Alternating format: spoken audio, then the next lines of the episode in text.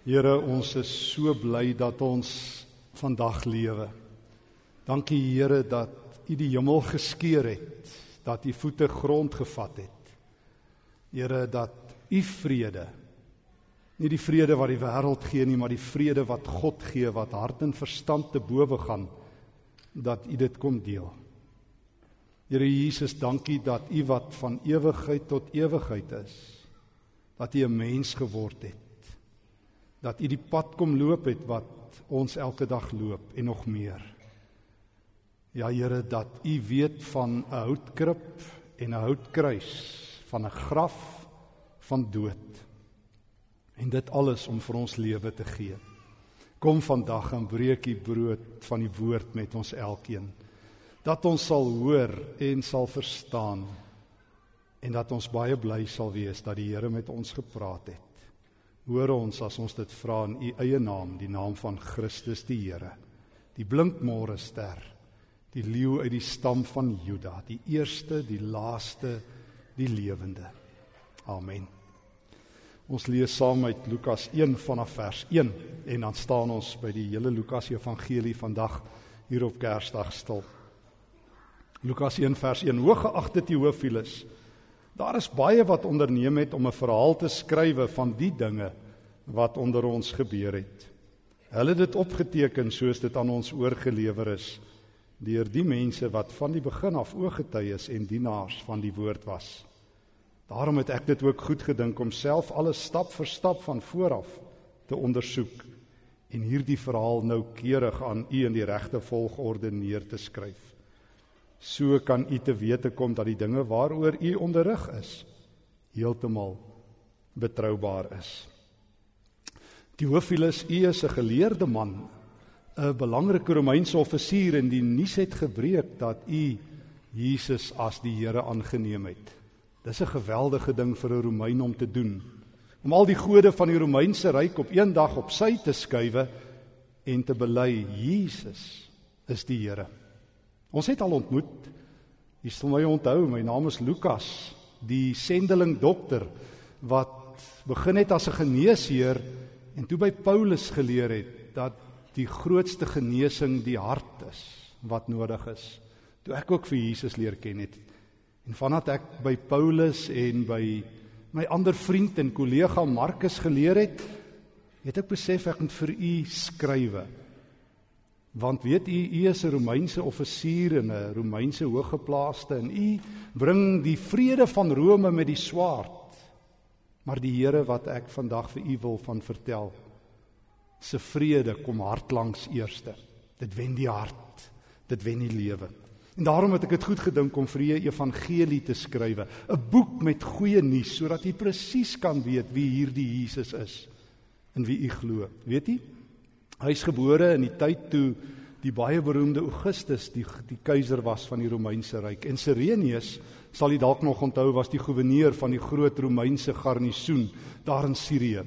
En Herodes die Grote, die Idumeer, die vriend van later van Augustus. Hy was die koning van die Jode. En toe is Jesus gebore. Jy sal daarvan lees in hoofstuk 1 van die boek wat ek vir jou gestuur het. Jy sal lees hoe 'n engel verskyn in 'n klein Galileese dorpie klein agteraf Nasaret. Nie eers Galileërs het van Nasaret gehou nie. En daar het Maria gebly, 'n jong meisie. En toe kom die engel van die Here Gabriël en sê vir haar sy sal 'n kind in die wêreld bring. Die redder het gekom. En dit het ook so gebeur. Jy sal sien as jy in by hoofstuk 2 uitkom van hierdie aangrypende storie dat dit dat dit toe gebeur het dat haar verloofde in sy Judaia toe is of Judea die Romeinse provinsie omdat keiser Tiberius die nuwe keiser in die tyd toe toe toe dit gebeur het en verwag het dat die mense moet almal in hulle geboortedorpe gaan registreer en hulle was toe in Judea. En daar so sal jy lees het 'n geweldige ding gebeur. Een nag daar in die veld het het 'n engel van die Here en uiteindelik 'n hele engele skare aan 'n klompie herders verskyn. Hulle was die eerste genooides. Nee nee, nie die keiser nie, nie die koning nie, nie die hoofpriester in Jerusalem nie, herders. Koning Dawid was ons groot herder koning, uh, geagte Theophilus, maar maar sy dae was 'n bietjie verby.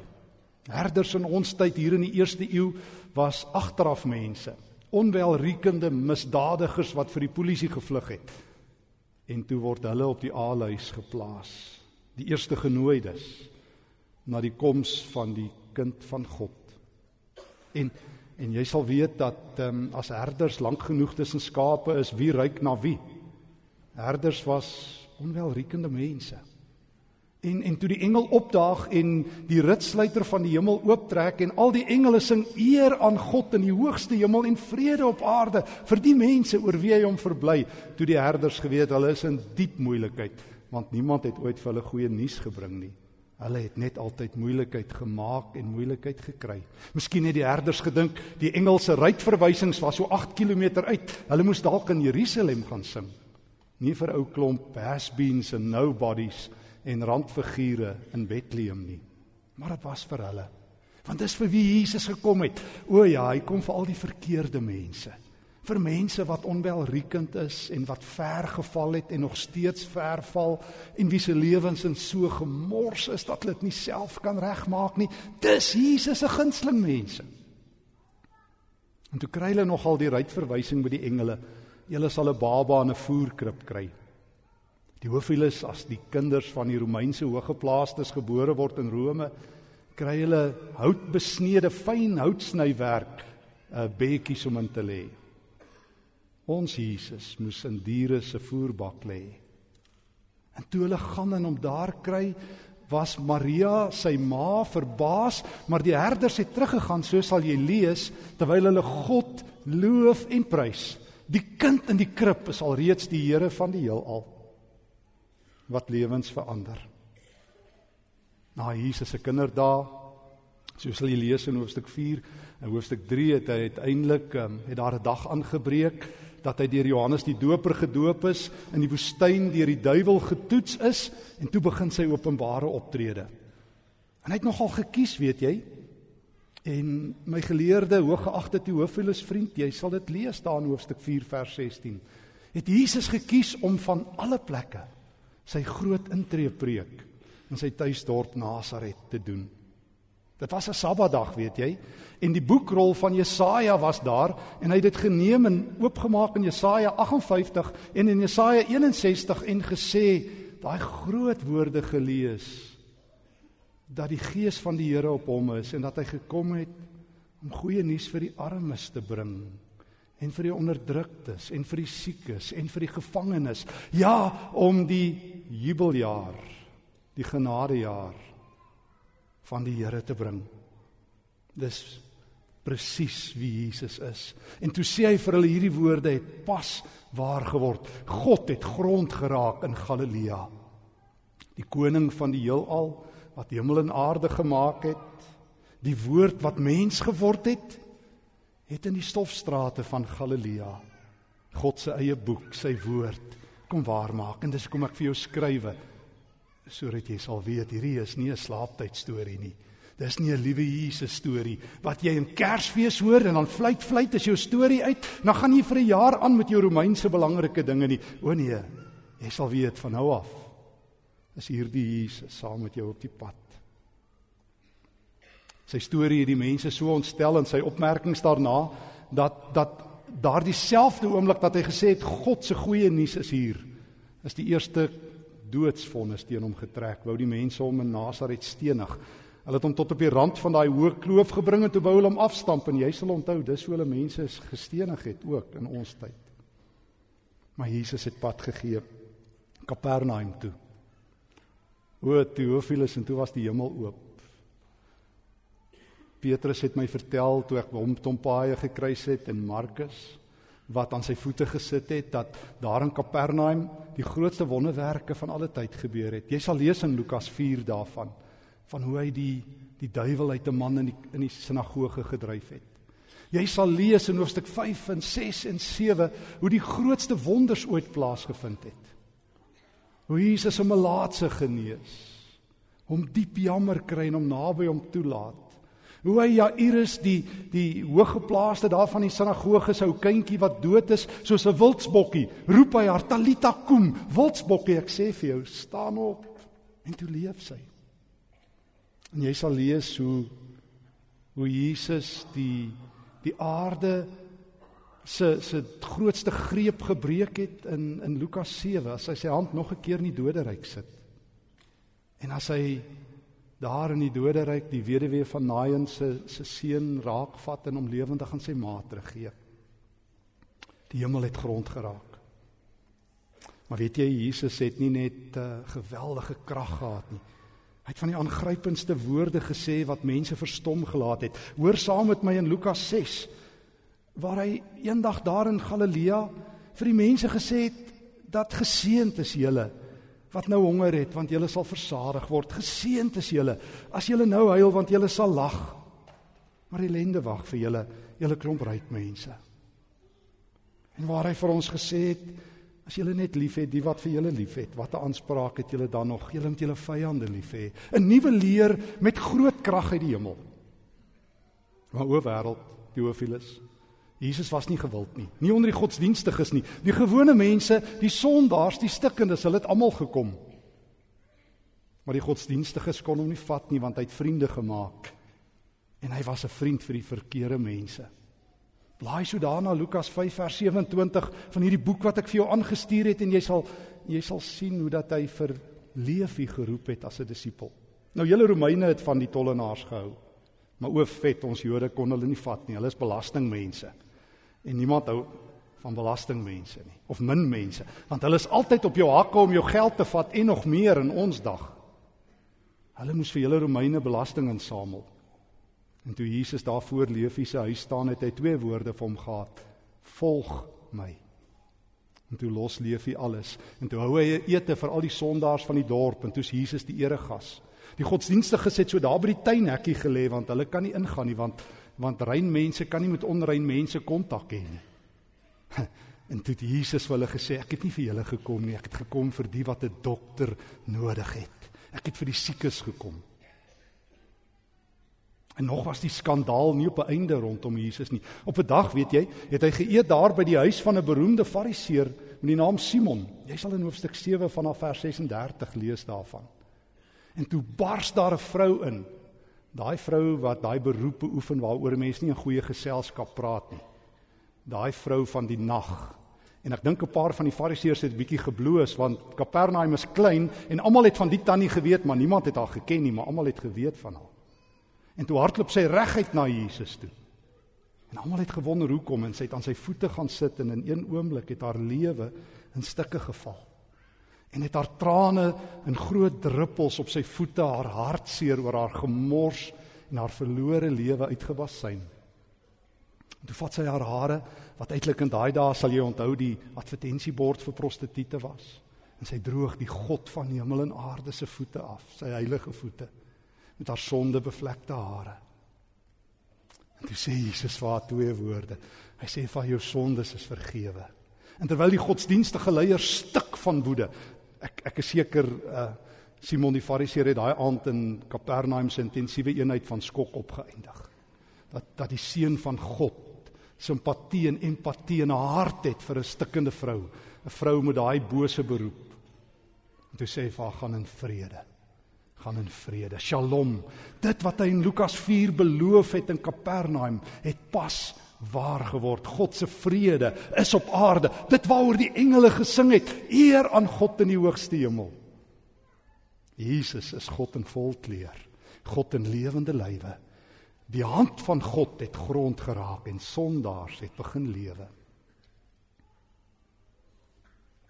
Maar Jesus het geweet hy het 'n afspraak. Hy's nie hier op aarde net om siekes te genees en dooies op te wek en groot dinge te leer nie.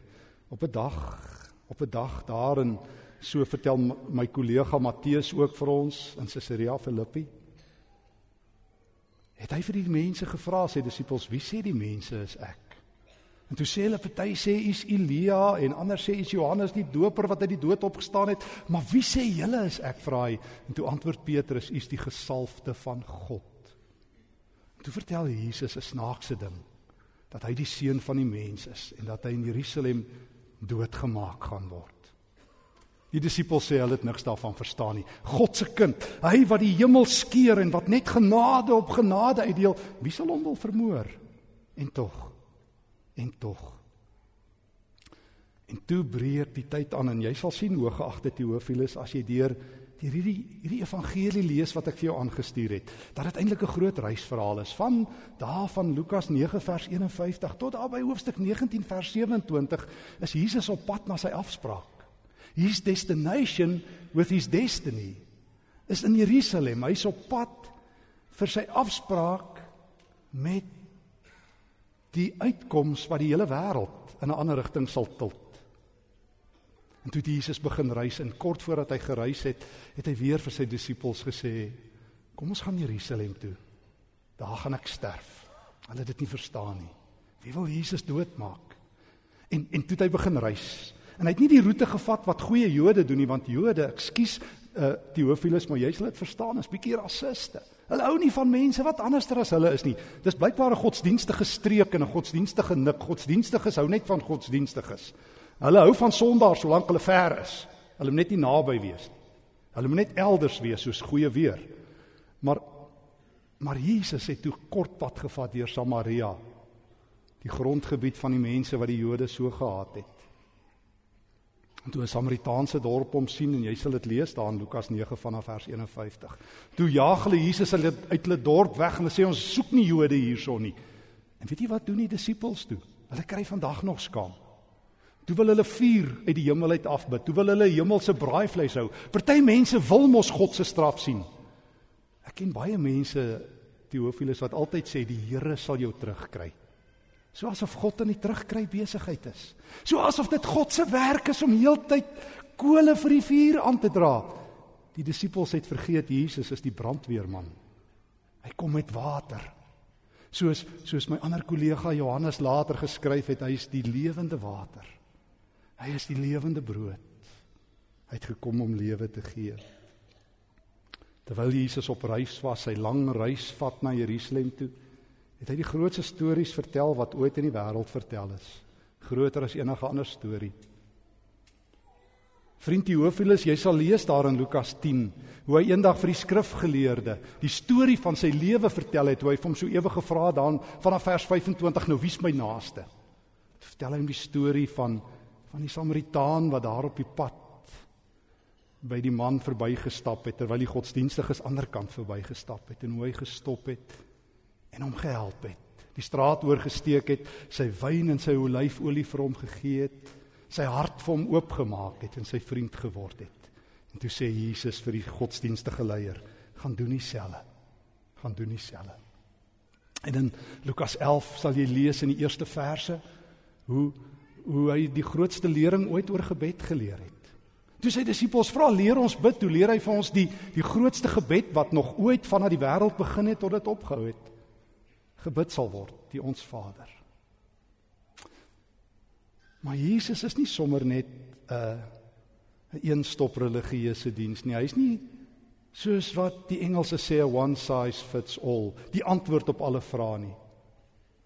Jy's daar in Lukas 12 vanaf vers 13 sal jy lees op 'n dag het um, het 'n ou sommer so gedink terwyl Jesus praat, toe dink hy, "O, Jesus is 'n goeie ou om te vra om gou 'n bietjie my testament uit te sorteer." En hy sê, "Jesus, ek en my broer kan nie ooreenkom oor ons erfporsie nie. Wil jy nie net gou so 'n bietjie boedelbereddering doen en gou 'n bietjie vir ons 'n goeie belastingkonsultant wees en dit uitsorteer nie?" En Jesus was woedend en hy het gesê, "Wat dink jy van my? Wat dink jy van my? Dink jy ek het gekom om julle julle aardse uh, behoeftetjies aan te spreek? Dink julle ek is 'n verbruikersmentaliteit Messias wat julle vir julle selfsugtige behoeftes kan opgebruik? Mag ek jou 'n storie vertel waarmee ek jou kan help? En toe Theophilus vertel Jesus die storie van van hoe hy van van die ryk man wat wat so baie besittings gehad het dat hy dit afgebreek het en vir hom nuwe skuur gebou het en gesê het mens eet, drink en leef lekker. En toe daag God daardie nag by daai ryk man op en hy sê vir hom net twee woorde: Jou dwaas. Jou dwaas. Jy jou lewe op geld uitgemors het terwyl God op jou hakke was om jou te red. Op die pad het Jesus nog stories vertel wat dit duidelik gemaak het waarvoor hy gekom het. Jy sal Lukas 15 onthou, die groot storie, die drie groot stories dat hy gekom het om verlore eiendom van God op te soek. Jy sien, Die God Theophilus in wie jy nou glo is 'n sendeling. Toe Adam en Eva daar in die paradys weggeloop het, het God die eerste sendeling geword. En hy bly op mense se hakke, nie met 'n rottang nie, maar met 'n beker water, die water van die ewige lewe. En toe kom Jesus. En Jesus het gekom om om God se finale soektog te doen. Hy is die goeie herder. Hy's die een man soek geselskap. En hier's die goeie nuus wat jy ook nou beleef het. As Jesus jou naam en adres het, kan jy hardloop, maar jy gaan nie weghardloop nie. Jy kan vlug, maar jy gaan nie wegvlug nie. Hy's altyd een tree te vinnig. En as hy jou inhaal, tel hy jou op soos die skaap wat weggeraak het en sit jy op sy skouers en dra jou terug en verbind jou wonde. By Jesus is daar genade op genade. By Jesus is daar vergifnis in ruim mate te vind. Toe kom hy in Jerusalem aan. Toe is die reis verby daar in Lukas 19 vers 27. Toe kom hy in Jerusalem aan en en dit was wat mense later sal ken as Palm Sondag en hy hy het so daarvan van Betanië se kant af so oor die Olyfberg afgegaan.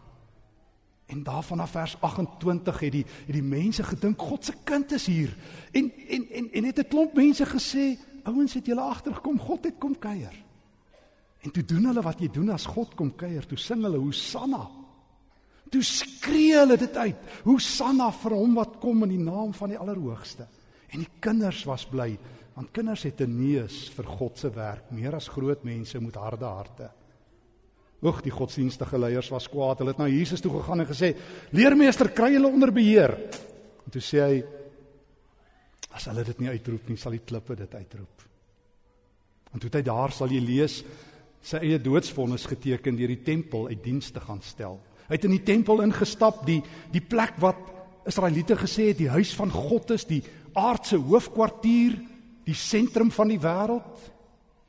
En hy het gesê julle het my vader se huis verontreinig.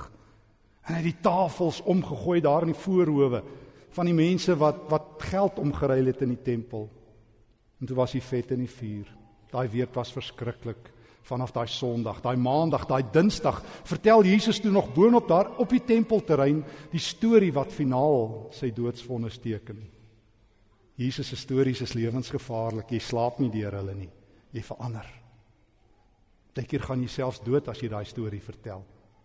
Soos Jesus toe hy vertel van van die eienaar wat 'n wingerd het en uiteindelik weier die huurders om te betaal en hy stuur sy oudste seun en toe vermoor hom en toe weet al die godsdienstige leiers Jesus dink hy's die seun van God. En toe trek hulle die lang mes uit daai Woensdag. Toe besluit hulle om Jesus te vermoor. En terwyl hulle 'n prys van 30 silwerstukke, die prys vir 'n Joodse slaaf op sy kop gesit het en sy een disipel Judas daarvoor geval het, het Jesus die donderdag aand en soos hulle lees in Lukas 22 het hy vir oula saam met sy disippels geëet, die Pasga, Pesach, die groot Pasfees, Paasfees, die grootste fees van die Jode het aangebreek. Maar toe doen Jesus 'n verskriklike ding. Hy stel die Paasfees uit diens en hy sê vir sy disippels: "Hoor mooi Teofilus, hierdie toe hy daai brood so vat is die Nuwe Testament, die nuwe verbond. Toe begin alles nuut. God se Nuwe Testament breek aan op daai oomblik toe Jesus die brood breek en toe sê hy van nou af sal julle eet en my onthou. Van nou af sal as julle brood eet en wyn drink dit my lyf en my bloed wees. En toe sê Getsemane toe die Joodse wynpers gedeelte daar net buite Jerusalem. En daar het hy bloed geworstel en vir sy vader gevra of hierdie beker kan verbygaan wat nou voor hom lê. En toe breek alle chaos los. Judas het daar opgedag, Judas Iskariot met 'n klomp mense uit Jesus met 'n liefdeskus uitverkoop. En terwyl Jesus nog onder die skok daarvan agteruit styer as te ware, dat sy disipel hom al soenend verraai, het hom soos 'n misdadiger gearresteer en hy vinnig daar weggeruk na die huis van Pontius eh, van Kajafas die hoofpriester. En jy sal lees van hierdie tragiese stories in Lukas 22 my geleerde vriend. Jy sal leer hoe hulle Jesus daardie nag geslaan het, miskien gegeesel het en ons weet as Jode jou gesel, is dit 39 houe. Hulle op hom gespoeg het en hom daar in die gevangenis gegooi het onder Kajafas se huis en teen teen dagbreek die Vrydagoggend hom uitgehaal het. En jy sal lees daarvan af vers 66 in Lukas 22 hoe hy voor die Joodse raad, raad was. En hulle het hom gevra, "Sê ons nou, sê ons nou, is jy, is jy die gesalfde? Is jy die een wat vir ons probeer sê jy's God?" Toe Jesus vir 'n oomblik stil gebly. En hy die grootste godsdienstige leier van van ons volk, die hoëpriester en al sy sogenaamde godsdienstige raadslede in die oë gekyk en gesê, "Ek is En julle sal van nou af, julle sal eendag die seun van die mens op die wolke sien. Ek is. Toe skeur hulle hulle klere. Verklaar hulle hom 'n godslasteraar en toe word hy afgeboender net daarna na die Romeinse praefectus. Jy onthou hom, Pontius Pilatus daar van 26 tot 36 na Christus. En Herodes Antipas, die prins van Galilea was ook daar. En hulle het hom gespot vir Jesus en hom geslaan, persklere aangetrek hom geslaan dat die bloed uit hom uitloop en uiteindelik uiteindelik afgeteken op sy moord en toe sy gekruisig die wreedste dood die hoofielis jy onthou vir keiser Nero wat nou die dag dood is. Hy het 'n filosoof gehad Seneca. Miskien onthou jy hom. Seneca het gesê kruisigings is die wreedste dood in ons dag. Pleeg selfmoord as jy kan. En toe kap hulle my Here aan 'n houtkruis vas. En toe gaan hy dood. Maar weet jy, gaan lees fyn daar in Lukas 23. Gaan lees fyn daar by vers 43 want daar was 'n misdadiger langs hom. En terwyl almal Jesus spot, toe toe vra hierdie man so vir 'n oomblik, Here, dink aan my. Dink aan my. Wanneer u vandag in die paradys is, dink aan my. En dit is asof Jesus sy eie dood so oomblik vertraag en sê, vandag sal jy saam met my in die paradys wees. Tot aan die kruis het Jesus genade. Dis waarvoor hy gekom het. Dis hoekom hy in 'n houtkruis hang om jou gemors en my gemors af te betaal, om die rekening skoon te maak. Dis toe. Dis toe waarvoor hy hier is. Die hemel het met mekaar ooreengekom dat Jesus se bloed die afbetaalsom sal wees vir ons gemors. En toe betaal Jesus. En net daarna het God die son afgesit. Hoe kan die son skyn as die son op die kop moet skyn van die seun van God wat moet doodgaan. En toe die son weer aangaan kort daarna het hy uitgeroep in u arms gee ek my gees oor toe sy dood. Matteofielus, die laaste hoofstuk van die boek wat ek vir jou geskryf het, moet jy ten alle koste lees, want dit eindig met die die nuus 3 op die derde dag daarna op die sonoggend toe die vroue na die na die graf toe gaan, toe is die klip weg en daar's engele wat vir hulle sê Hy's nie hier nie. Hy het opgestaan. Hoekom soek julle die dooies? Die lewende tussen die dooies. Hy het opgestaan. Hy leef. Het julle vergeet? Het julle vergeet hy het gesê die seun van die mens gaan oorgelewer word, maar hy gaan opstaan. En daar was 'n egpaar Klopas en sy vrou. Jy sal lees vanaf Lukas 24 vers 13 tot 35 van hulle. Hulle kon dit nie glo nie. Hulle het hulle goed gevat en gewaai. Terug Emmaus toe. En toe stap Jesus saam met hulle op die grootste dag in die heelal. Besluit hy om saam met Klopas en sy vrou te stap. Hulle het laat praat en toe het hy die skrif op die pad vir hulle oopgemaak en gesê dis hy. Hy het juis gekom om te sterwe en op te staan sodat mense nie meer hoef te vlug vir God nie. Nie meer rugkant eerste na God toe te lewe nie. Nie meer God af te skryf nie want God skryf nie mense af nie. God is op besoek. En toe loop God Want Jesus is nie op pensioen nie. Hy het nie afgetree toe hy die dood het opstaan nie. Hy loop saam met verlore mense. Die hoofielis het ook saam met jou geloop. En hy het saam met hulle geëet en later die aand saam sy disippels en hulle oë het oopgegaan. En hoofielis Dis die storie wat ek vir jou wil vertel want dit het met jou ook gebeur. Toe jy weggeloop het, het jy agtergekom Die kind van die krib, die Here van die kruis en die leë graf het saam met jou kom stap. Dis wat Jesus doen, dis Kersfees.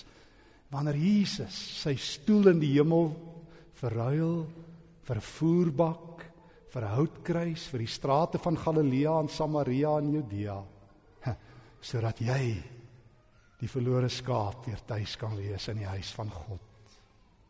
En is daarom het ek hierdie evangelie vir jou geskrywe. Dis nie 'n slaaptyd storie nie. Dit gaan jou wakker hou.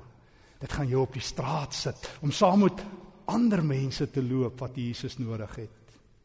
Want God kan dit nie vat dat sy mense wegloop nie. God is op besoek met water vir dorstiges, met lewe vir dooies, met hoop vir wanhoopiges. God is op straat om te soek en te red. En toe die Emmausgangers dit verstaan het, hulle oë oop gegaan en die disippels. En daarom hoogagte Teofilus, as ek aan die einde van my storie maar moet ek vir die laaste woorde gou lees wat ek vir jou geskryf het. Lukas 24 vers 25. Toe open Jesus hulle verstand om die skrif te verstaan. Verder sê hy vir hulle: "So staan daar geskrywe: Die Christus moet ly en op die 3de dag uit die dood opstaan en in sy naam moet bekering en vergifnis van sondes aan al die nasies verkondig word van Jerusalem af en verder. Julle is getuies van hierdie dinge. En ek sal die gawe wat my Vader beloof het, dis die Heilige Gees vir julle stuur. En julle moet in die stad bly totdat julle met krag van bo toegerus is. Daarna, paar dae later, paar weke later het hulle die stad gelei tot Betanië. Hy het sy hande opgehef, hulle geseën terwyl hy hulle seën as hy van hulle weggeneem in die hemel. Hulle het hom aanbid en met groot blydskap na Jerusalem toe teruggegaan. Daar het hulle by die tempel gebly en God geprys. My storie is verby. Jy moet die storie gaan vertel. Hy het opgestaan. Hy leef. Mag jy beleef as Jesus saam met jou loop? Dat hy jou verstand oopmaak en 'n lig skyn op jou hart.